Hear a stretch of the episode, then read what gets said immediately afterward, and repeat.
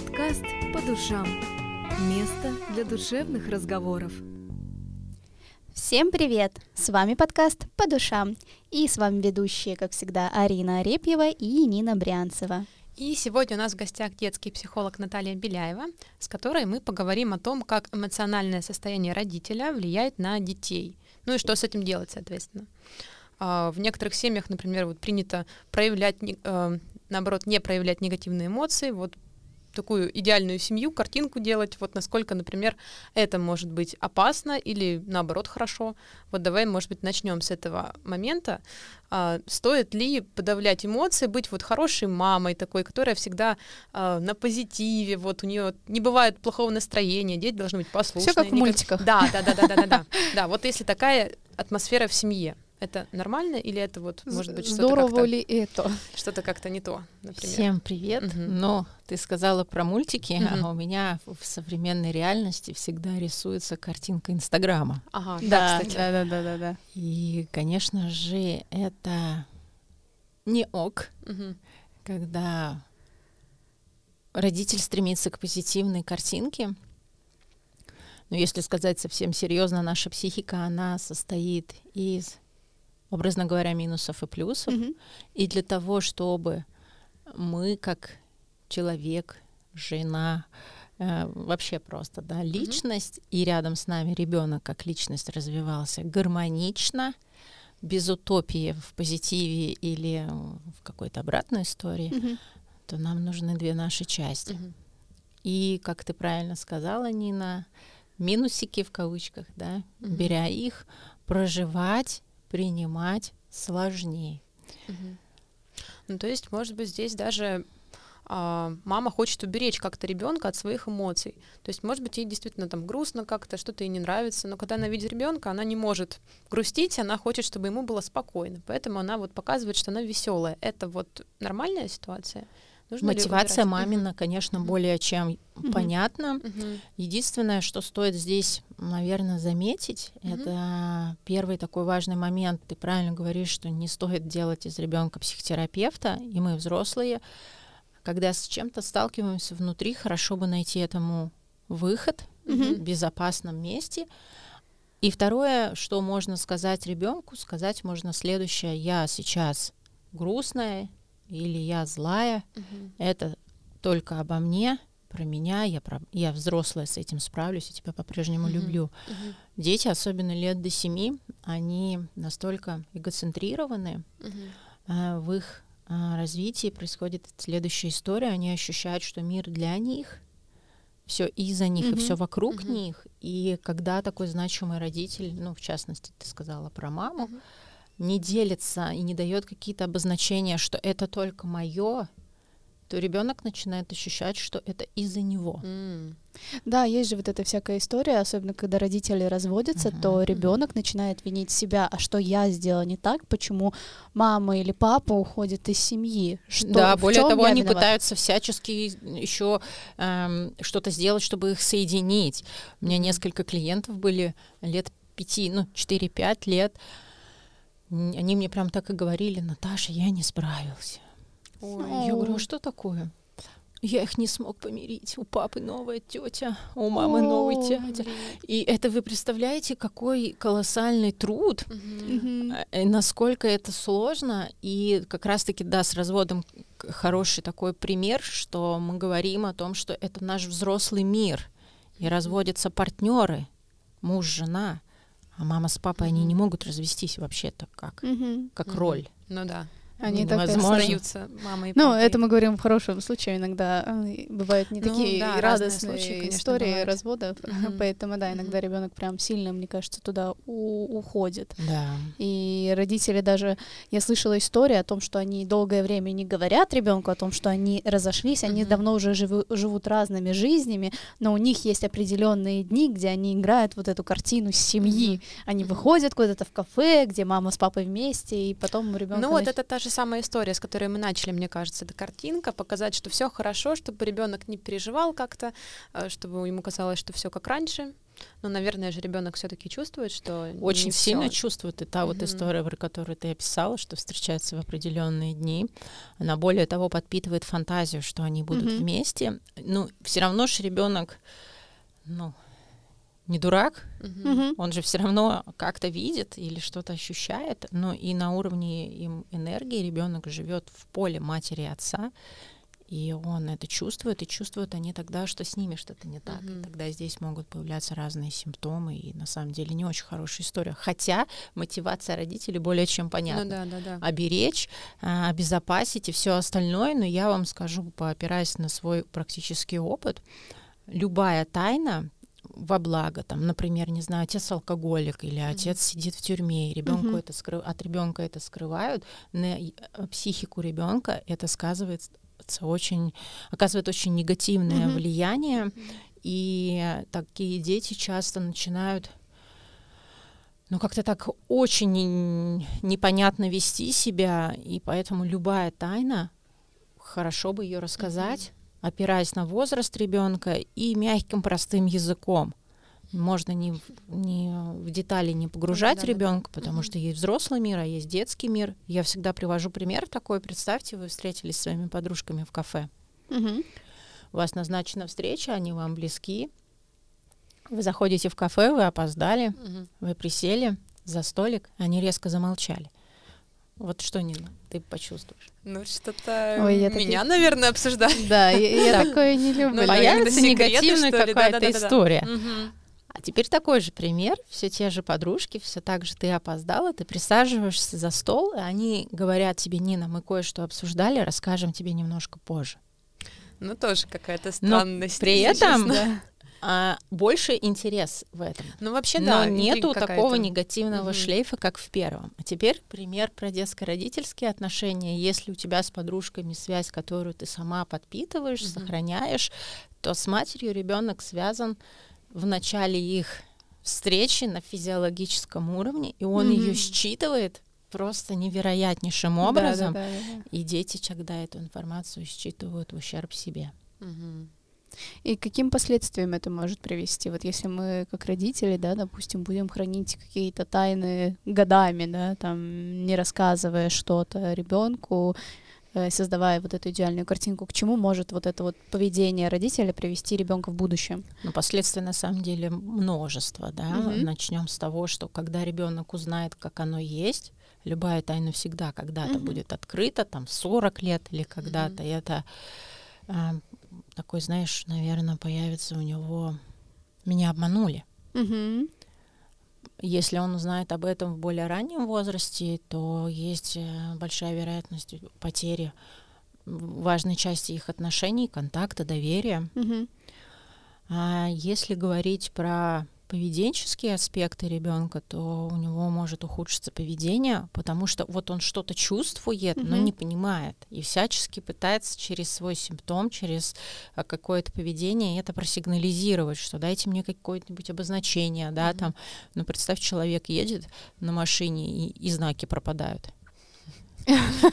Ужасно. Вот такое, да? Только мы взрослые, мы там остановимся, позвоним, подождем, а ребенок в большом мире без взрослых не очень ориентируется. Ну и если конкретизировать, помимо нежелательного поведения, что может появиться, нарушится сон, учеба ухудшится, в садике что-то начнет происходить, повысится тревожность, появятся навязчивые страхи, Э, весь спектр психосоматики, там, ночной НРС, э, дневной НРС, э, НКПРС, когда психологический запор, медицинских показателей нету, ну, Мгм. все в норме, да, и множество таких историй, Мгм. грызения ногтей, панические атаки и много-много всего. Мгм. Слушай, ну давай немножко тогда перейдем, сменим тему, так Прям- сказать. Прям такой Да. печальный конец ждет тех, кто... Прямо конец. Ну, я Ну да, да, да, мы поняли. Мы поняли. А, я бы хотела спросить у тебя про немножко другую сторону нашего разговора. А, а как негативная, ну точнее заниженная самооценка мамы, ну или просто родителя может сказаться дальше на становлении личности ребенка? То есть а, передастся ли это дочери, например, Ну, если есть- у мамы заниженная самооценка, она говорит, вот я там, ты кто меня полюбит, я некрасивая, всю жизнь одна буду, понятное дело, вот, э, то есть Будет Как? ли ребенок отзеркаливать Да, вот это да, да. поведение на себе Мгм. уже? Отзеркаливать точно будет. Вы сколько бы мы не воспитывали наших детей, они будут безумно похожи на нас, Мгм. так как Мгм. мы раскладываем или складываем посуду в посудомойку, именно так они будут делать. Это я вот сейчас прям очень сильно вижу Это на моем младшем ребенке. Я его ничему таким, такому не обучаю, но он сортирует стол все так, как я. Он просто пропитывается этой средой. А если взять образ мамы с низкой самооценкой, то, скорее всего, эта мама очень сомневающаяся. И она тогда как будто бы не нашла такую опору или стержень родительский в себе, ну, вообще и как Мгм. женщина, и в целом, мы, если про родительство говорим, то, и, Мгм. скорее всего, в родительстве. А сомневающийся родитель дает ребенку неоднозначные сигналы, хорошо, плохо. А нет, сейчас все-таки это хорошо, нет, это все-таки плохо. И появляются такие эмоциональные качели, что про- про- провоцируют, конечно, сомнева- сомнения в себе у Мгм. ребенка, повышенную тревожность и такую иногда очень инфантильную позицию. Я тогда лучше ничего не буду делать. Ну и теперь представьте вот этот образ такой сомневающегося ребенка, когда он становится и парнем или девушкой, то в целом опор тоже внутри нет, а какой я, а, а какая я, да, потому что это, этот опыт приобретают в начале, в раннем детстве дети через контакт с родителем. Когда родитель, например, чего-то не знает, где-то узнал, что-то послушал, вот как ваш, например, подкаст, или почитал о чем-то и пошел применил. А когда он такой все время очень мнительный и сомневающийся, то, конечно, это очень сильно влияет на детей. Мгм. А что с этим делать? Вот, допустим, человек понимает, что действительно у него заниженная самооценка, ее же вот так вот по щелчку пальцев не исправишь, а ребенок уже есть, его нужно воспитывать. Как, может быть, можно как-то минимизировать э, вот Ну, воздействие? как ты правильно сказала, и если человек это заметил, когда мы что-то бессознательное выводим в осознаваемое, мы поняли, что вот оно здесь мешает мне, или я по-другому хочу, то с этим уже что-то можно делать. На первых этапах хотя бы просто замечать. И даже если вдруг снова сказали, то потом, заметив, сказать себе, ой, классно, что я это заметила. В следующий раз вот здесь вот так. И, конечно, классно бы делать шаг дальше. Мгм. Мгм. Это как, например, обратиться к терапевту и ну, послушать или прочитать что-то на, эт- на данную тему. Да. Мгм. И я тебе скажу, самооценка это, наверное, самое противное, что есть в психологии, потому что ее невозможно доразвить, вот и всегда быть во всем уверенным. Ну, всегда будет до какой-то момент. Ну, вот представьте, что вот вы, да, ведете подкаст, и вам сегодня там начальство подходит, говорит, вы завтра едете, там, не знаю, на зарубежную конференцию, там ведете подкасты, и вот все, кто хочет, к вам подходят. Но здесь вам уже привычно, знакомы, да. и Да, вы да. наработали определенную уверенность как профессионалы, там несколько будет пошатана эта ситуация, но потом, когда вы там освоились, в целом все окей, Мгм. да, поэтому здесь, я думаю, за такой низкой самооценкой чаще всего еще и тревожность стоит, да. Мгм. можно так шире на нее посмотреть, что чего мне не хватает, чтобы на себя опереться, да, Мгм. и не цепляться за маму с папой в детстве, а просто взять все в свои руки, за ответственность за себя взять Мгм. на себя. Слушай, а такой еще момент, тогда мы про самооценку немножко забудем. а, вопрос про родителей, которые а, пытаются за счет ребенка как-то, может быть, самореализоваться. То есть у них есть установка, что ребенок вот должен быть э, Врачом. Да, не знаю, продолжением вот их, грубо говоря, как-то компенсировать им то, чего ему там не хватило когда-то. Вот как с этой историей быть? Ну, то есть, в принципе, это тоже не всегда же плохо. Допустим, если действительно ты потом будешь водить своего ребенка, там, не знаю, на какое-нибудь плавание, он потом станет каким-нибудь пловцом, у него действительно получаться это будет, так, ну, а что плохого? И как вот понять, что ты делаешь что-то не так вот в данной ситуации, или, в принципе, ничего страшного в этом? Слушай, ну вот Мгм. даже из твоего примера про пловца, Мгм. я думаю, это единичный случай. Мгм. Мгм. И мне в целом жалко детей и грустно за их детство, когда их лишают выбора и говорят, Мгм. я знаю, как лучше. Мгм. Одно дело, когда, не знаю, в семье, например, есть э, ценность, чтобы все учились, научились плавать.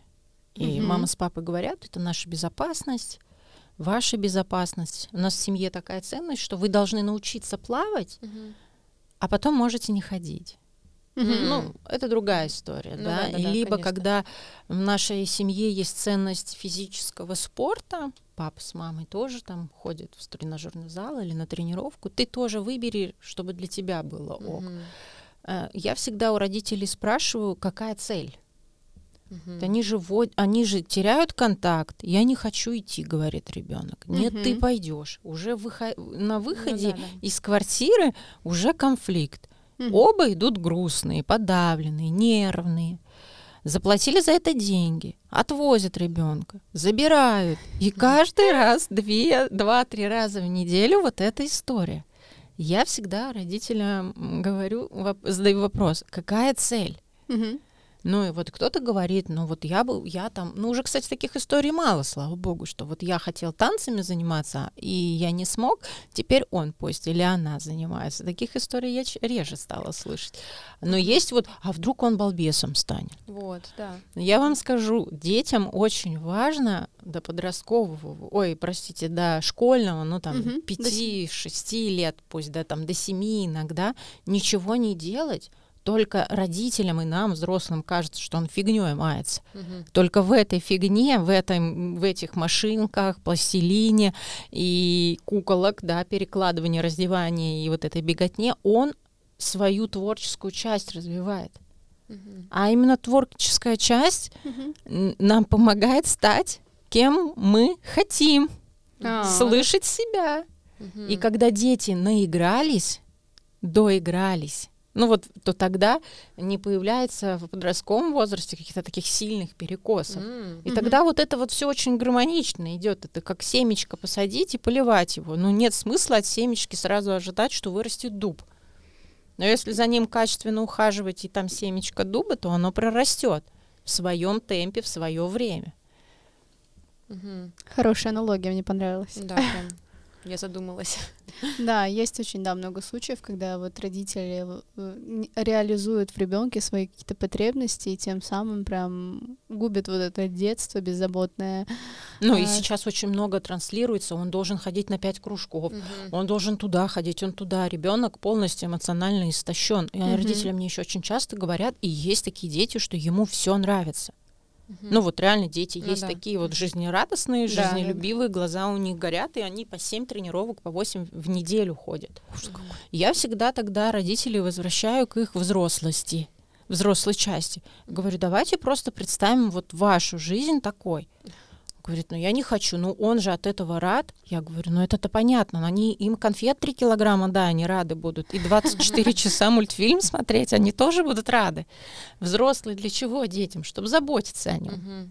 Ну, помимо там любви и все остальное. А забота это не всегда я дам.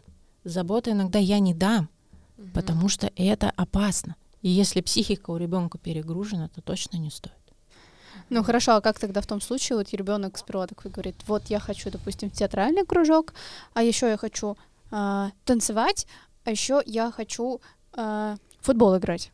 А, вот а, как вот тут, наверное, решать, что ему больше Ну, подходит? посмотреть на ребенка. Если вот ему это все нравится раз, он от этого не перегружается. Ну а если перегружается, то есть время на восстановиться, Мгм. там есть время до сна, побездельничать, да, как родители кажется, что это не важно, я уже сказала, это важно, то тогда это нормально. Но если ребенок уже идет, он уже такой вялый, да, ему нравится, он там оживает, то какую-то паузу стоит точно сделать.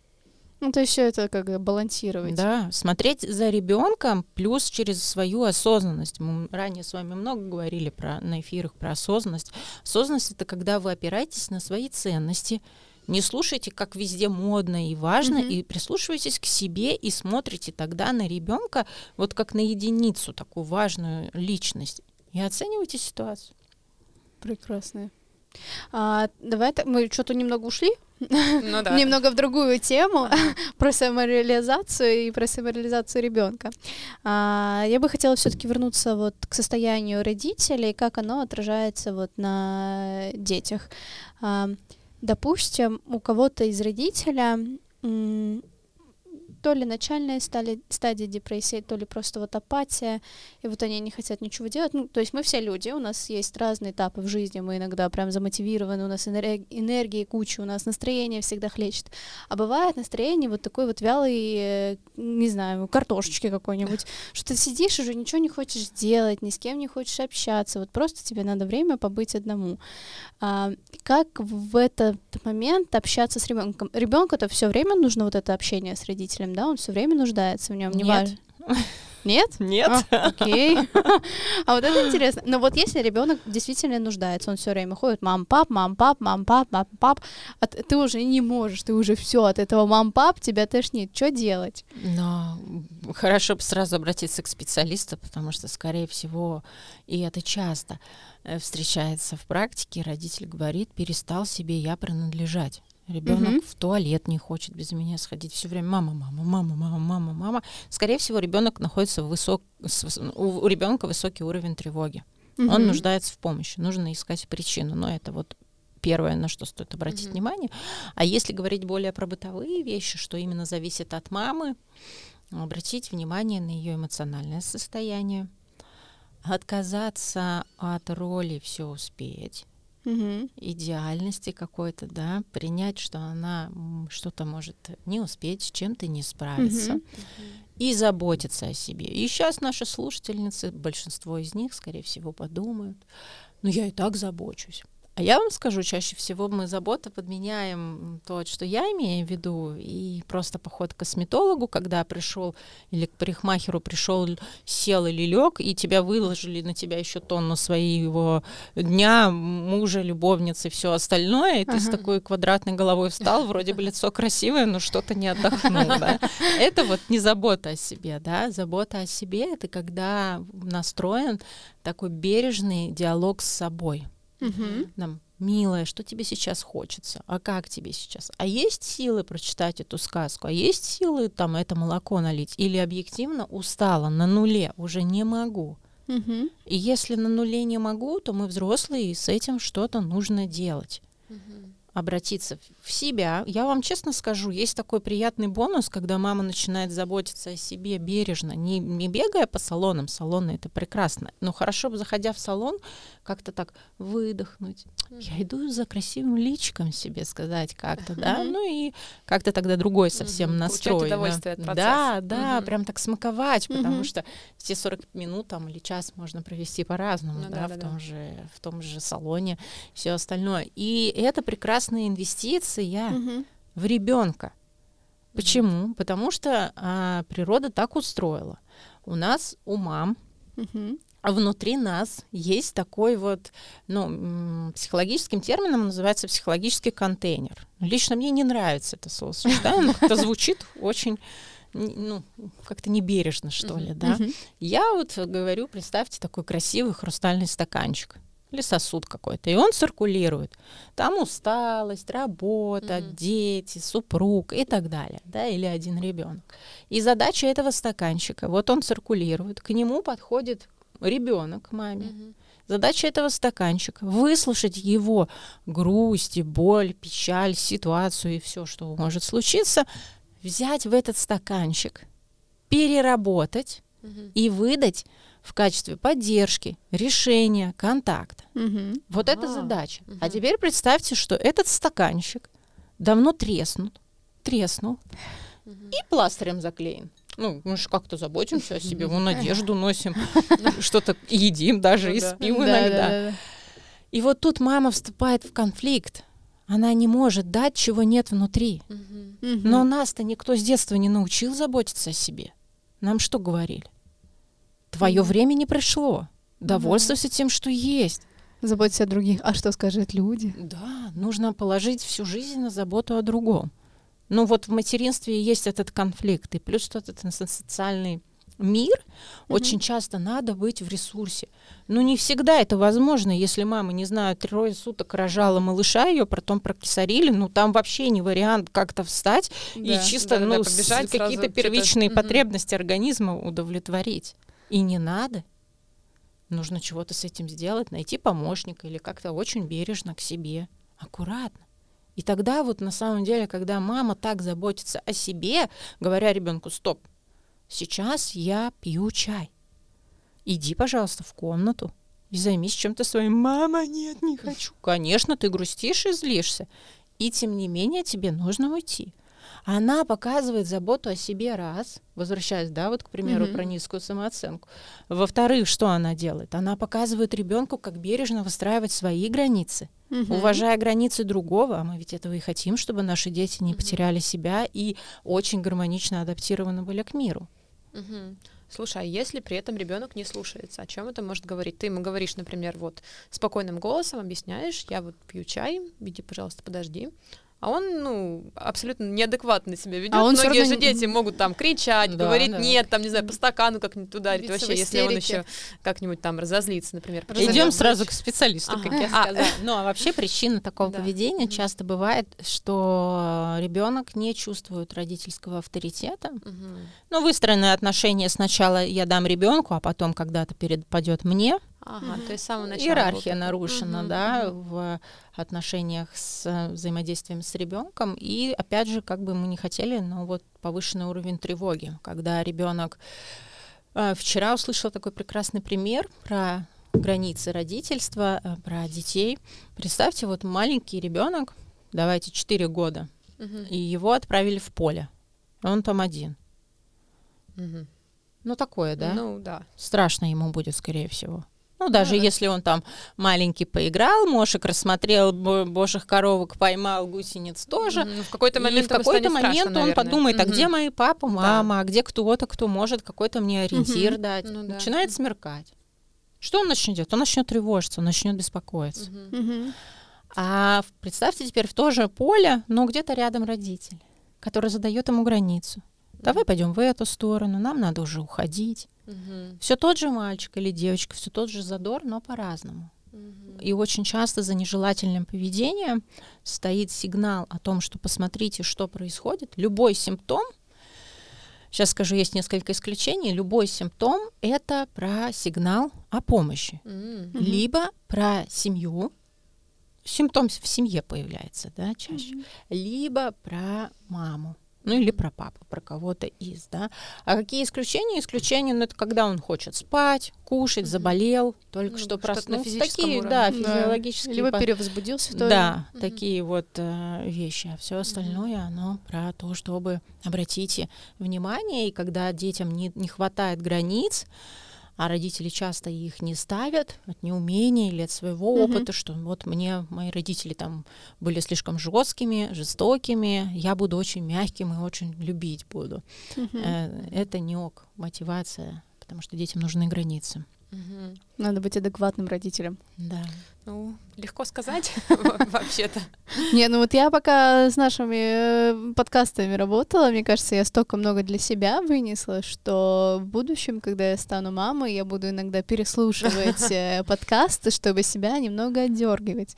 И мне кажется, это такая прикольная практика, вот даже просто послушать наши подкасты, потому что здесь такие прям очевидные вещи, о которых проговариваются мы... еще раз. Да, да. то есть. Угу. Э... Слушай, еще один вопрос у меня был. Э, есть же еще папы, мы про них как-то вот немножко забыли. Да, а... папа. Такие, да, забудем про них. Слушай, вообще а, связь эмоциональная, она же в принципе больше с мамой, я так понимаю. И состояние эмоциональное папы, оно влияет меньше на ребенка. То есть, в принципе, главное, чтобы спокойная в ресурсе была мама, которая там вот адекватно общается, а папа, в принципе, как бы не сильно-то и влияет или нет. А можно я скажу сперва ага. свою теорию, а ты мне скажешь, э, прав, прав, ну, права я или нет? Мне кажется, что это очень зависит от вовлеченности папы вообще в процесс воспитания да, ребенка. То есть, если он. Да, то есть это в целом угу. начинается даже. Э, мне кажется, что я, возможно, даже где-то где-то слышала и читала, что а, материнский инстинкт, он быстрее просыпается, а у отцов он просыпается чуть позже, когда там ребенок взрослее становится и так далее. Но если отец с самого начала вовлечен в беременность, да, он там заботится о маме, да, там, не знаю, mm-hmm. ручку ей подает, водичку принесет, а, шнурки ей завяжет, он ходит на УЗИ вместе с ней, и он как бы вовлечен во весь этот процесс с самого mm-hmm. начала, то у него и связь с ребенком просыпается раньше. И то есть он сразу как-то с ним начинает быть связан. И также про воспитание дальнейшее. Если он вовлечен в этот процесс, а не так, что я пришел с работы, я устал, я сижу на диване, а мама там где-то носится, пытается все успеть. Да, понятное дело, там у мамы с ребенком в любом случае связь есть. А если папа будет тоже так же на равной степени увлечен, потому что он так, точно такой же родитель, как и мама, то в целом там должна быть тоже хорошая связь. Поправь меня, если я не права. Давай тебе разбираться. Во-первых, мужчины я их очень люблю, когда они приходят в консультации папы. Это важная часть детства. Мужчина никогда на себя лишнее не возьмет. Хм. Они настолько, мне кажется, гармонично устроены, в отличие от нас, от женщин. Второй важный момент. А, женщина иногда отторгает мужчину, не давая ему проявляться. Именно ну, там, в плане маленький, да, там, ага. подожди, подожди, я пойду с ним спать, ты там на диване, и вот угу. такое, да, или я лучше знаю, я его там 9, лет, 9 месяцев вынашивала, все остальное, и в какой-то момент отец может сказать, ну ладно, делай сама, да. а потом она ему список претензий, ты мне не помогаешь, но мужчины уникальны тем, что они никогда не берут лишнее на себя. Но и если это такой ответственный мужчина, то в целом он готов. Здесь очень много зависит от мамы. Третий такой важный момент, который я наблюдаю. Почти все мамы считают, что их мужья ну, или партнеры, а, а отец ребенка слишком жесток и суров. Ну, там, а, он слишком там я в любом возрасте, даже строк. если речь ну, идет да, о младенцах. Есть, про младенцев тоже сейчас скажу, вы сразу со мной согласитесь, этот ага. пример есть один такой очень уникальный. И они там, вот он там построже, он слишком строг, он там, мою дитечка, как ты, как ты. Но на самом деле задача у матери и у отца совершенно разная. И любовь у них разная. И это не плохо, не хорошо, это природа. Угу. Мы угу. можем сколько угодно сетовать на дождь, но мне нравится, что дождь не бывает ни хорошим, ни плохим. Вообще в жизни ничего не бывает ни хорошего, ни плохого как, например, тот же развод. С одной стороны, например, ну, девушка встретила другого мужчину, говорит своему мужу, я хочу развестись. Мужчина грустит, она счастлива. Ну да. Ну да. И, и другой мужчина тоже счастлив. Ну вот здесь, да, не бывает хорошего, плохого. И любовь, она абсолютно у мамы, у папы разная. У мамы, безусловно, угу. и за 9 месяцев до. Угу встречи с ребенком. Mm-hmm. Ну, потому что мы носим детей, да, мы вынашиваем, мы заботимся о себе, тем самым заботимся о малыше внутри нас. Mm-hmm. А у пап любовь условно mm-hmm. за что-то.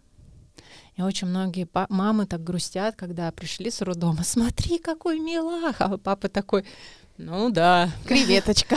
Да. Уродец маленький наш. Любя, ну говоря об этом, мамы расстраиваются, грустят. Мамы очень часто, как я уже сказала, думают о том, что папа какой-то слишком строгий, суровый, потому что мама слишком тревожная. Mm-hmm. Сегодня слово тревога много звучит, да. но вот от нее как-то никак никуда не уйти, она наша данность mm-hmm. сегодня. А есть еще такой пример. Вы наверняка видели хоть раз в жизни такую картинку, когда подкидывает малыша мама, когда подкидывает папа. Да. И как это видит мама. А пойдем чуть дальше, как это видит бабушка. Ой. Вот это в целом, да, разность. И, э, ну, на самом деле через такую игру, ну или вспомните, вот когда, если у вас там у друзей или у близких, да, малыши, мама такая нежная, там mm. поддержит, да, запеленает, там ручку прикроет, шапочку на... И папа вверх подкинет, подпрыгивают, mm-hmm. да, потому что на самом деле бессознательно отец таким образом через такую активную игру сепарирует ребенка от матери mm-hmm. и мать от ребенка. Mm-hmm. Это такой интересный, интересный момент. Еще что мне нравится м- говорить в, в теме папа-мама, да, это когда мы смотрим на семью, вот дом, представьте, да, все, что внутри дома, это делает мама. Mm-hmm уют, понимание себя, эмпатию, сопереживание, эмоциональный интеллект. Все это про маму, большей uh-huh. части. Uh-huh. Все, что за пределами дома, жизнь, мир, социум, реализация, деньги, это все делает папа. Uh-huh. И, конечно, если папа, например, очень встревоженный, такой сомневающийся, он, соответственно, и ребенку это тоже будет передавать. просто, ну, вот эмоциональный пласт семьи во многом зависит от мамы. Мне очень часто бывают примеры такие благоприятного завершения встреч, терапии, когда женщина приходит, говорит, мой супруг считает, что психологи это шарлатаны, ерунда и все остальное, а я чувствую, что мне это важно. Я всегда маме говорю, что семья это как механизм, как машина. Если вы меняете одну деталь, угу. то все остальное тоже видоизменяется. Я всегда говорю, делайте, что зависит от вас, не тяните там одеяло на мужчину, а восстановите свое состояние, выстроите такие границы, да, и если вдруг не получается их выстраивать, то это а, такое предложение к разговору. А что мы теперь будем с этим делать? Да, взрослый такой разговор. И в целом обычно тогда все, все проще потому что ну так даже папы меньше, менее тревожные. И с папами мир детям, он таким более понятным является. Uh-huh. Хорошо, плохо, там радуга, такие-то цвета, а с мамой, да, ввиду того, что она бывает очень сомневающаяся, очень тревожная, очень такая эмоционально уязвимая, да, там, по разным биологическим даже часам в нашем организме, uh-huh. она другой пласт. Слушай, а бывает такое, что роли меняются? Ну вот по какой-то причине женщина вот такая вот босс в семье, да, да, она да. вот делает карьеру, э, мужчина берет, может быть, даже декретный отпуск, чтобы вот с маленького э, заботиться. В таком случае будет какой-то перекос или просто, ну, роли поменяются и все будет. И это будет ок. Да. Ну, смотрите, роли могут же поменяться, там кто-то больше зарабатывает, да, угу. ну или там кому-то выгоднее сейчас ну, да, быть да, в да, декрете, да. но при этом мужчины и женщины можно оставаться угу. независимо от достатка и всего остального. Поэтому, когда женщина не конкурирует со своим мужчиной, угу. не показывает те металлические вещи, которые мужчины часто кричат, да, а, и тогда все ок. Угу. А если все-таки а, ну, давайте, например, мальчика воспитывают, вот папа, мама, угу. папа более инфантильный, а мама очень властная. Ну вот да, например. И ребенок соприкасается с, примером подавляющего, ну, что жена подавляет мужа. Угу. Ну, соответственно, ему это будет понятнее, когда его кто-то будет потом подавлять. А-а-а. Его мужскую часть. Ого. То есть это если ребенок мужского пола?